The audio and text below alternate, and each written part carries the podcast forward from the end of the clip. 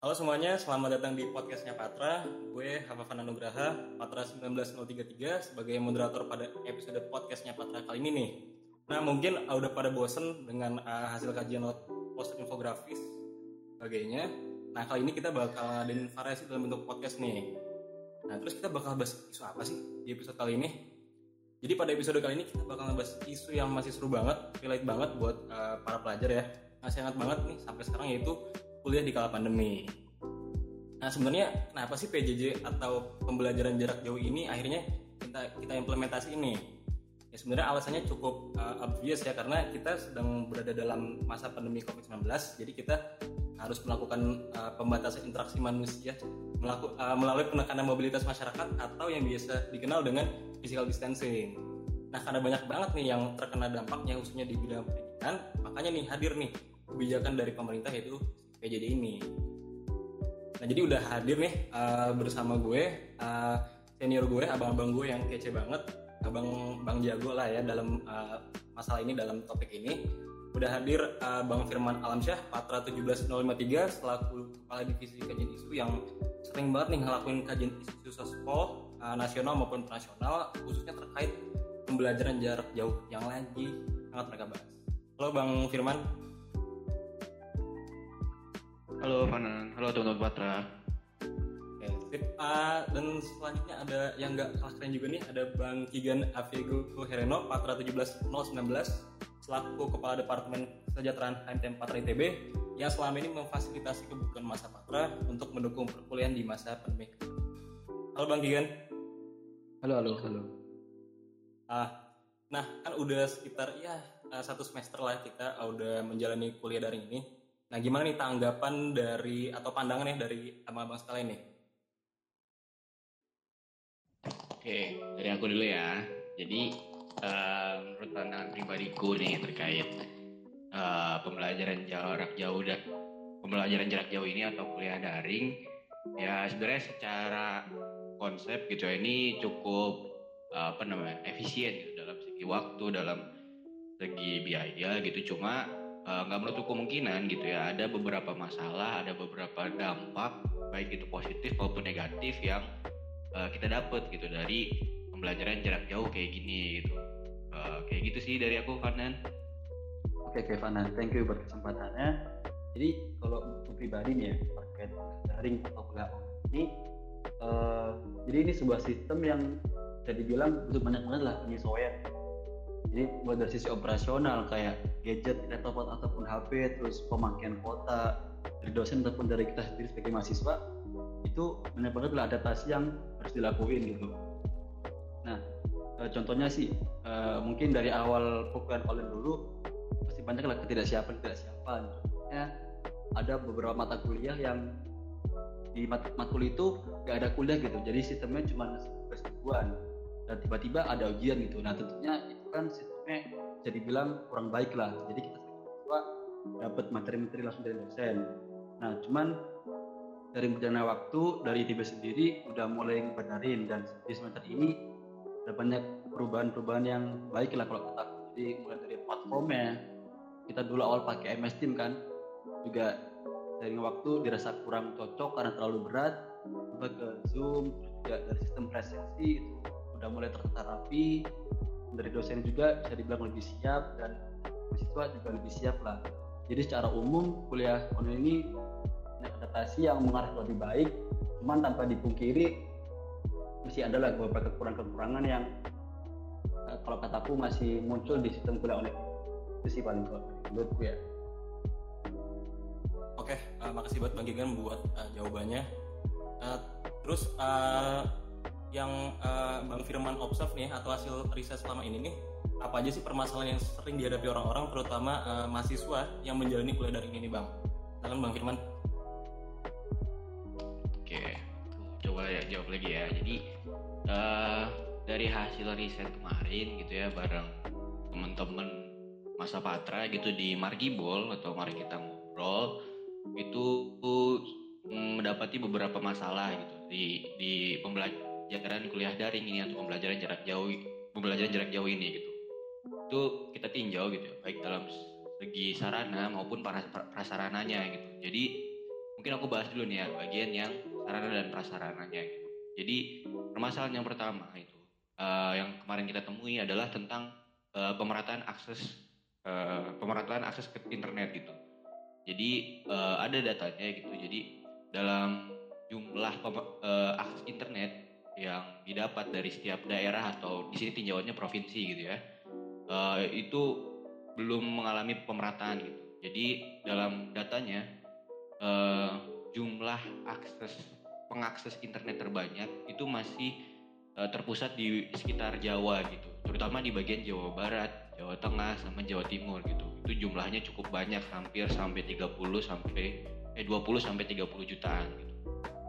Sedangkan untuk daerah-daerah yang cukup uh, ibaratnya jauh atau kecil gitu ya itu uh, cukup timpang gitu dengan uh, jumlah pengakses internet di bagian Jawa gitu. Yang jumlahnya itu bahkan kurang dari 5 juta gitu. Oke, tadi itu baru soal ketersediaan akses uh, internet. Yang kedua itu soal ketersediaan akses listrik. Gitu. Jadi uh, ketersediaan akses, akses listrik ini juga mengalami ketimpangan gitu, khususnya di daerah-daerah desa yang uh, masih belum terjangkau internetnya gitu. Jadi tingkat penetrasi internet di desa itu masih terbilang kecil ketimbang di uh, perkotaan gitu, khususnya di daerah 3T gitu atau uh, terdepan, terluar dan tertinggal gitu. Nah itu tadi dua faktor itu tersediaan akses internet dan dan listrik ya. Terus yang selanjutnya yang kita temui adalah tentang uh, ini selain akses internet dan listrik, tentunya uh, perangkat pendukung ini juga jadi faktor utama kan untuk jalannya PJJ gitu. Nah ini kita temui juga datanya ini terkait ini ya uh, komputer, laptop, tablet ataupun smartphone gitu. Ini dibandingkan antara da daerah non 3T dan 3T gitu. Jadi dari data yang kita temui bahwa terjadi ketimpangan juga kepemilikan fasilitas pendukung belajar dari rumah. Khususnya di non 3T itu angkanya cukup tinggi kepemilikan uh, gadgetnya tadi itu ya. Sedangkan di 3T itu cukup timpang dan sedikit jumlahnya dibandingkan dengan daerah yang non 3T. Itu. Nah, yang terakhir yang kita temui adalah tentang ini permasalahannya adalah tentang kegagapan teknologi gitu. Jadi kegagapan teknologi ini apa? Kegagapan teknologi ini uh, semacam uh, pemanfaatan fasilitas atau penggunaan aplikasi yang uh, mendukung jalannya PJJ gitu. Ya, yang ini kita tinjau dari tenaga pendidiknya. Jadi yang kita tinjau adalah tenaga pendidik ini sempat mengalami kesulitan gitu dalam melakukan adaptasi penggunaan uh, fasilitas ataupun teknologi yang digunakan untuk pembelajaran jarak jauh gitu seperti waktu saat kita awal-awal PJJ itu kan sempat mengalami problem lah entah dosennya kurang paham atau siap dalam penggunaan platform Google Meet dan semacamnya kayak gitu. Sedangkan untuk mahasiswa itu cukup cepat gitu beradaptasi. Ya. Artinya dari situ ada gap gitu antara pemahaman teknologi yang dimiliki oleh tenaga pendidik atau dosen. Itu sih kurang lebih ya temuan-temuan masalah yang kami temui saat Markibol kemarin gitu kan. Oh, Oke. Okay. Uh, terus uh, spesifik buat mahasiswa ITB ini nih bang ya, khususnya teknik perminyakan ITB, biasanya tuh keluhan atau kendala terkait, terkait uh, kuliah daring ini apa aja sih nih bang Gigan? Oke oke, aku coba bantu jawab ya. Jadi terkait mahasiswa teknik ITB sendiri, sebenarnya dari departemen kesejahteraan khususnya divisi Adkesma itu sudah pernah nyebar kuesioner gitu terkait keluhan inilah keluhan selama kuliah online. Dan hasilnya itu beberapa masa ada beberapa jawaban sih. Uh, jadi ada yang merasa dengan kuliah online ini kuota yang dikasih itu kayak kurang cover gitu. Terus juga ada yang merasa capek dalam artian kan kita online kan depan gadget kan lama tertentu nah itu uh, lebih capek di mata gitu kan. Juga ada yang bilang stres juga juga beberapa masa ada yang bilang kayak kurang nangkep materi-materi jika kuliahnya secara online. Juga ada juga yang dengan kuliah online ini terkendala jaringan. Jadi suka sinyalnya hilang jaringannya chaos jadi akhirnya keluar subuh nah terus juga selain itu ada juga yang merasa bebannya bertambah ketika kuliah online. Mungkin di sini aku mikirnya kayak listrik juga kan sama kayak gadget juga. Terus penggunaan gadget yang mungkin satu keluarga itu dipakai banyak orang gitu kan itu bisa jadi beban bertambah kan. Juga kalau di tingkat empat sendiri yang kemarin hangat terjadi ya itu masalah kerja praktek sendiri nah kita tahu kan ketika kuliah online semuanya jadi dibatasi nah akhirnya buat mahasiswa tingkat 4 untuk pemenuhan matkul TM 3090 yaitu kerja praktek jadi terhambat. Karena yang pertama perizinan jika ter-KP secara offline terus juga dari prodi sendiri sebenarnya masih belum ngebolehin KP secara offline. Jadi perusahaan sendiri masih tutup juga. Jadi itu beberapa apa ya masalah ataupun kendala yang ditangkap dari divisi Adkesma dari masa Patra. Oke, um, kemudian nih bang ya terkait uh, permasalahan tersebut nih respons dari pemerintah gimana sih bang sejauh ini? Oke, ini mungkin aku yang jawab gitu ya. Ma, jadi respon pemerintah terhadap permasalahan ini. Jadi uh, berdasarkan kemarin, jadi dari Markibol kemarin, jauh yang kami temui atau sejauh yang kami pahami tentang respon pemerintah ini, pemerintah ini membuat bantuan kuota gitu, yang mungkin bisa disebut semacam subsidi kuota gitu, yang berbentuk kuota data internet yang langsung diberikan kepada tenaga pendidik dan peserta didik gitu. Jadi bentukan kuotanya ini ada dua gitu ya, yaitu kuota uh, kuota umum dan kuota belajar gitu. Di mana kuota umum ini adalah kuota yang nantinya bakal dapat digunakan untuk mengakses seluruh laman dan aplikasi gitu. Sedangkan kalau kuota belajar itu adalah kuota yang hanya dapat digunakan untuk mengakses laman dan aplikasi pembelajaran gitu. Oke, terkait respon pemerintah gitu. Jadi berdasarkan kemarin diskusi di Markibel kemarin, pemerintah ini memberikan semacam uh, kuota gitu kepada tenaga pendidik dan peserta peserta didik secara langsung gitu yang diatur dalam Undang-Undang Nomor 14 Tahun 2020. Jadi bentuk bentuk bantuannya ini berupa subsidi kuota yang dibagi menjadi dua jenis kuota yaitu kuota umum dan kuota belajar. Jadi kuota umum ini kuota yang dapat digunakan untuk mengakses seluruh laman dan aplikasi Sedangkan kuota belajar ialah kuota yang hanya dapat digunakan untuk mengakses laman dan aplikasi pembelajaran gitu. Nah, di sini aku mungkin highlightnya untuk uh, yang uh, mahasiswa dan dosen aja ya. Jadi untuk mahasiswa dan dosen itu dapat volume gigabyte itu sekitar 50 gigabyte per bulan di mana pembagian volumenya itu untuk kuota umum itu dapat 5 gigabyte sedangkan untuk kuota belajar itu dapat 45 gigabyte. Di mana durasi bantuan yang diberikan pemerintah untuk kita dosen juga itu selama empat bulan jadi kurang lebih sampai Desember ini ya kalau nggak salah. Kurang lebih.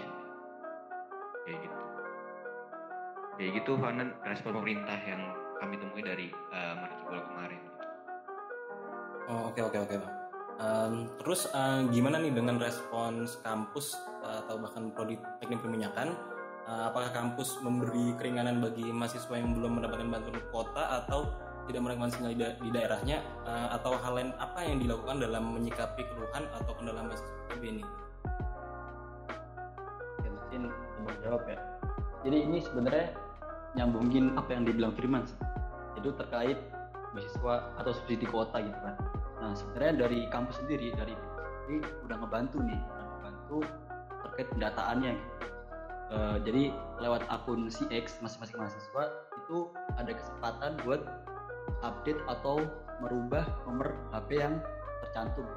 Nah, jadi nomor HP yang baru ini bakal jadi nomor HP yang terdapat subsidi dari kita.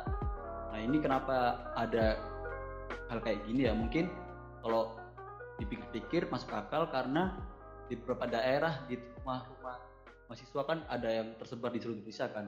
Mungkin ada beberapa beberapa provider yang ketika di rumah si mahasiswa tersebut kurang kurang apa ya, kurang bagus lah sinyalnya jadi TB itu ngasih kesempatan buat mahasiswa nyesuaiin provider yang pas di, di rumah masing-masing gitu itu kok dari kampus jadi pendataan secara terpusat nah kemudian kalau dari prodi sendiri dari TM sendiri sebenarnya juga ada beberapa apa ya kayak bantuan gitu sih bisa dibilang.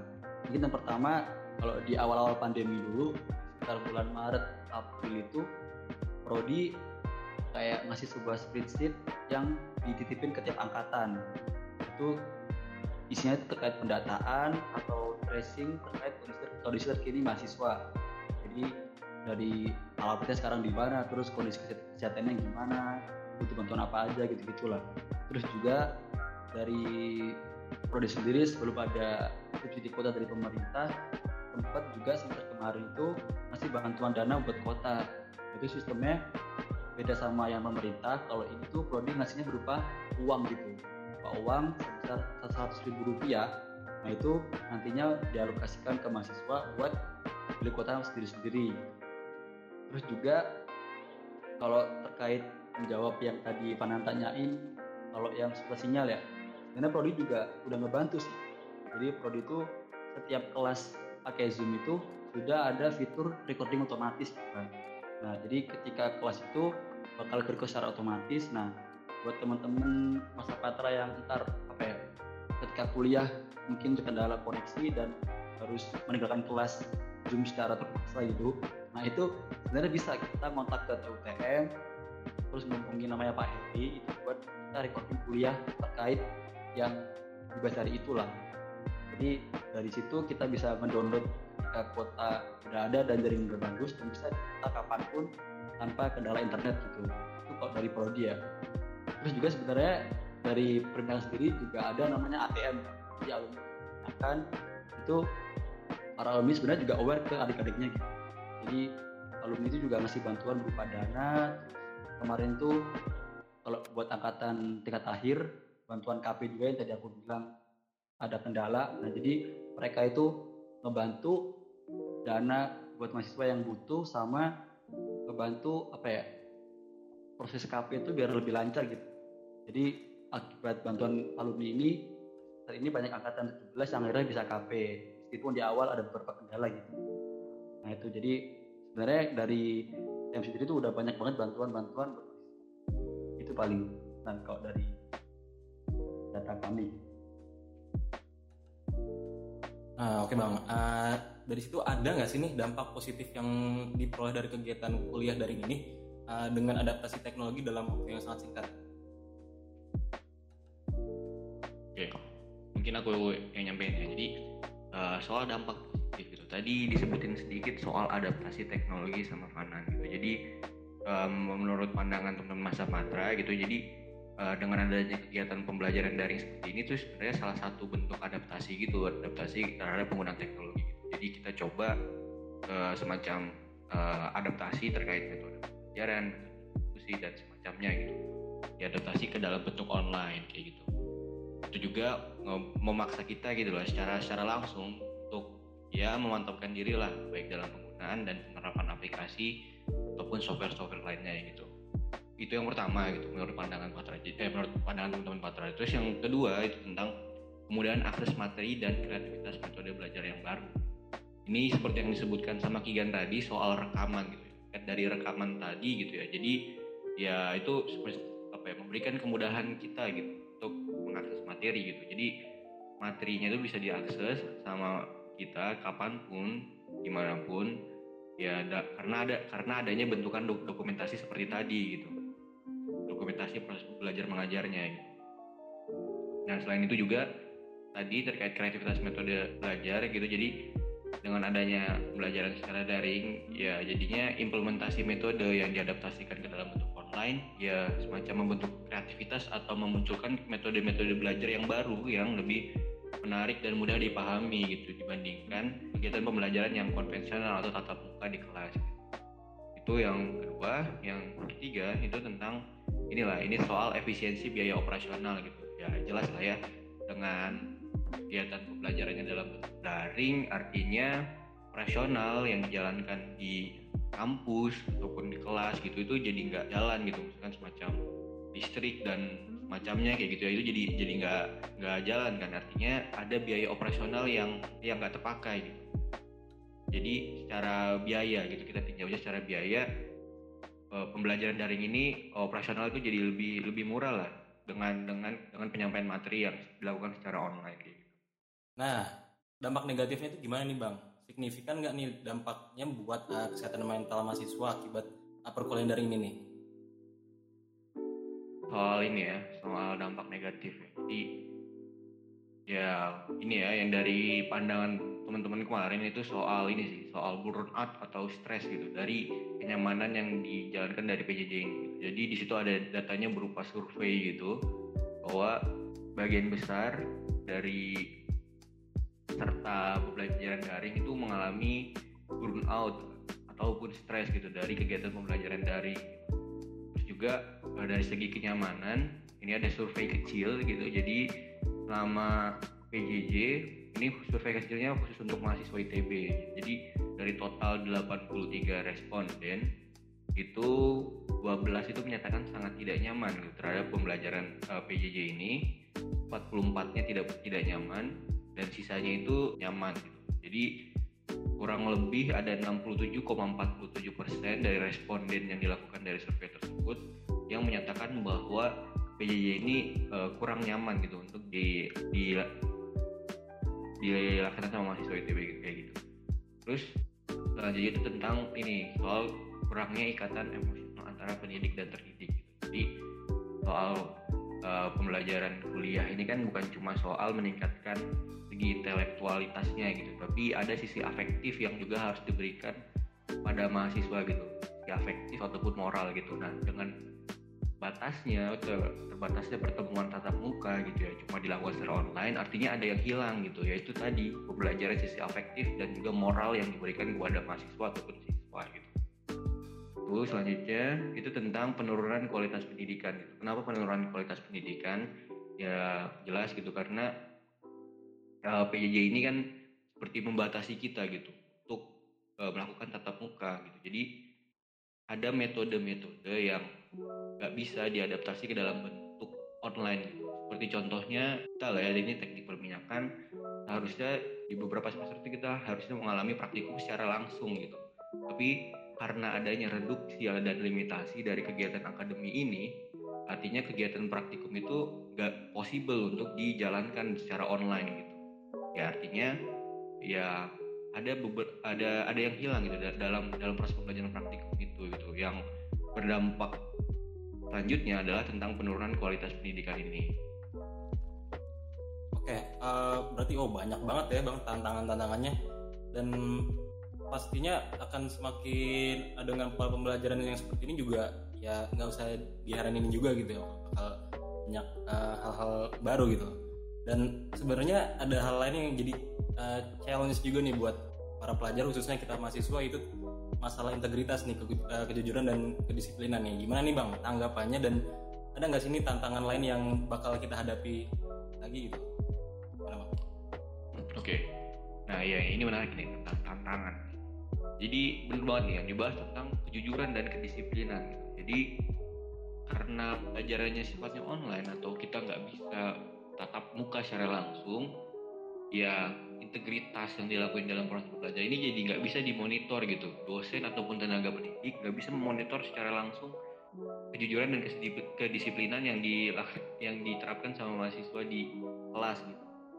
Ya artinya ini jadi sebuah apa ya sebuah hal yang yang sangat sangat gue ngeblank ya. Sorry sorry. Ulang ulang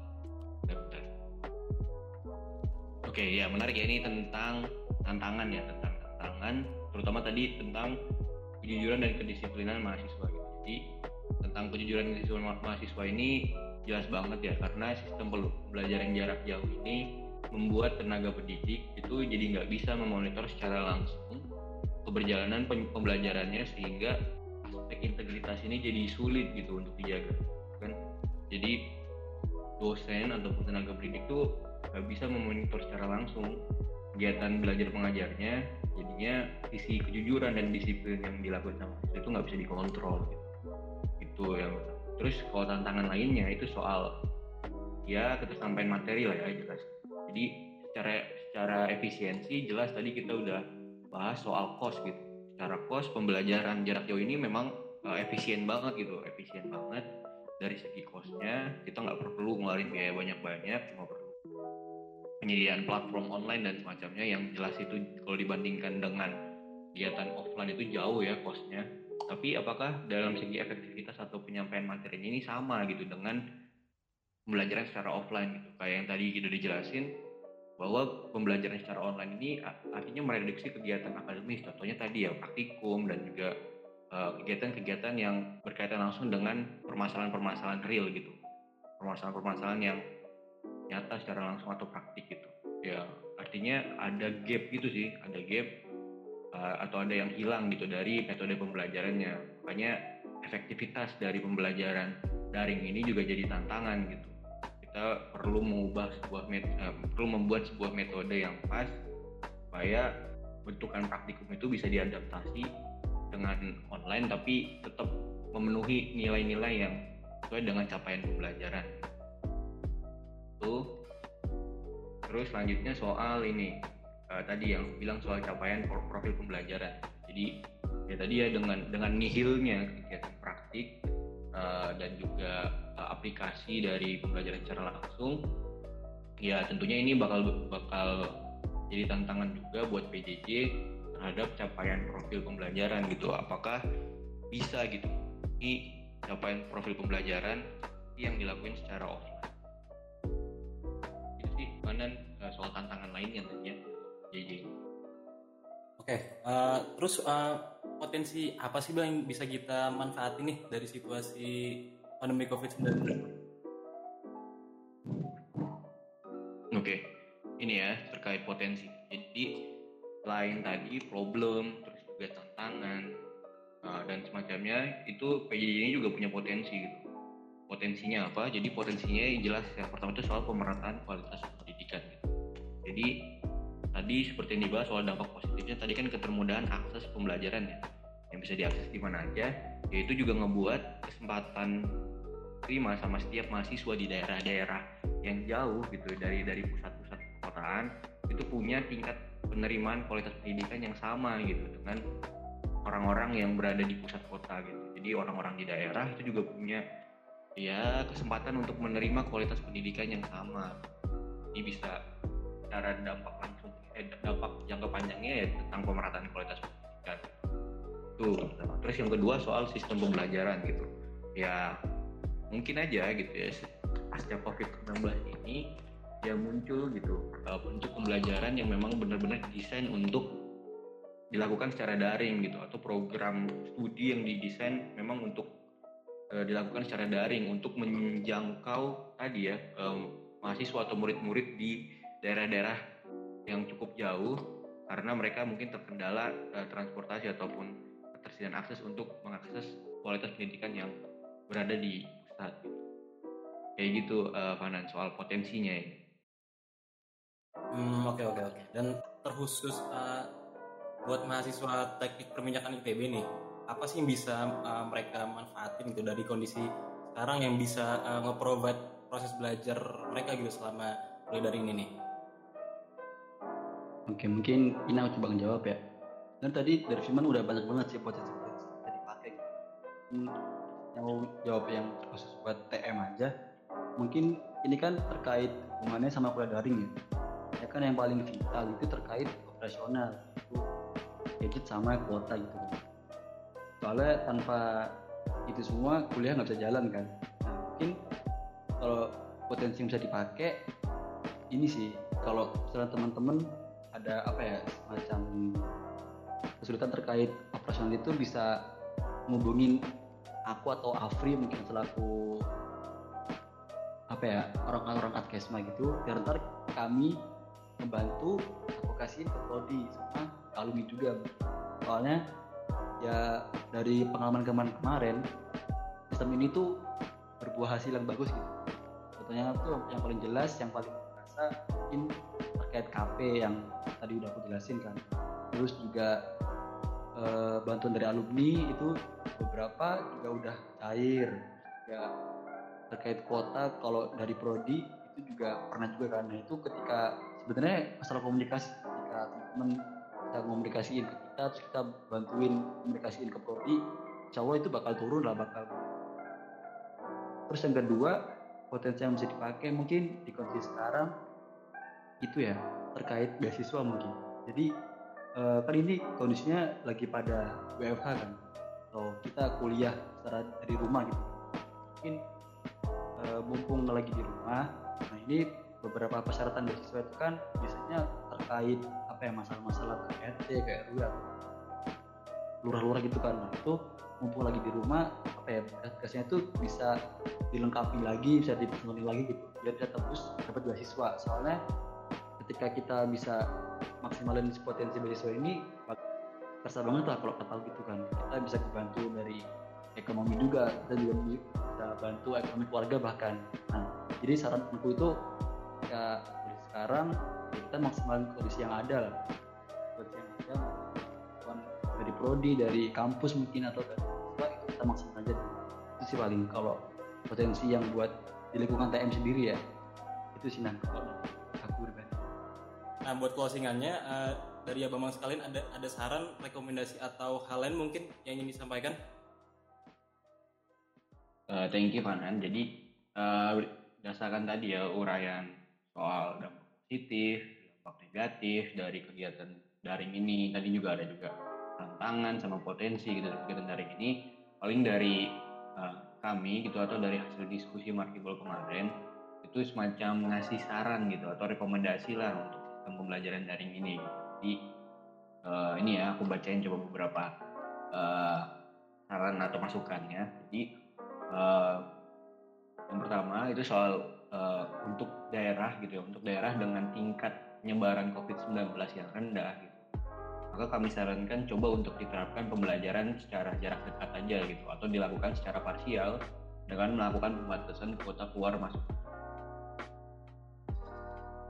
Jadi untuk daerah-daerah yang punya uh, tingkat penyebaran COVID-19 yang rendah, jadi menurut kami coba dilakuin aja gitu secara secara langsung pembelajarannya. Gitu.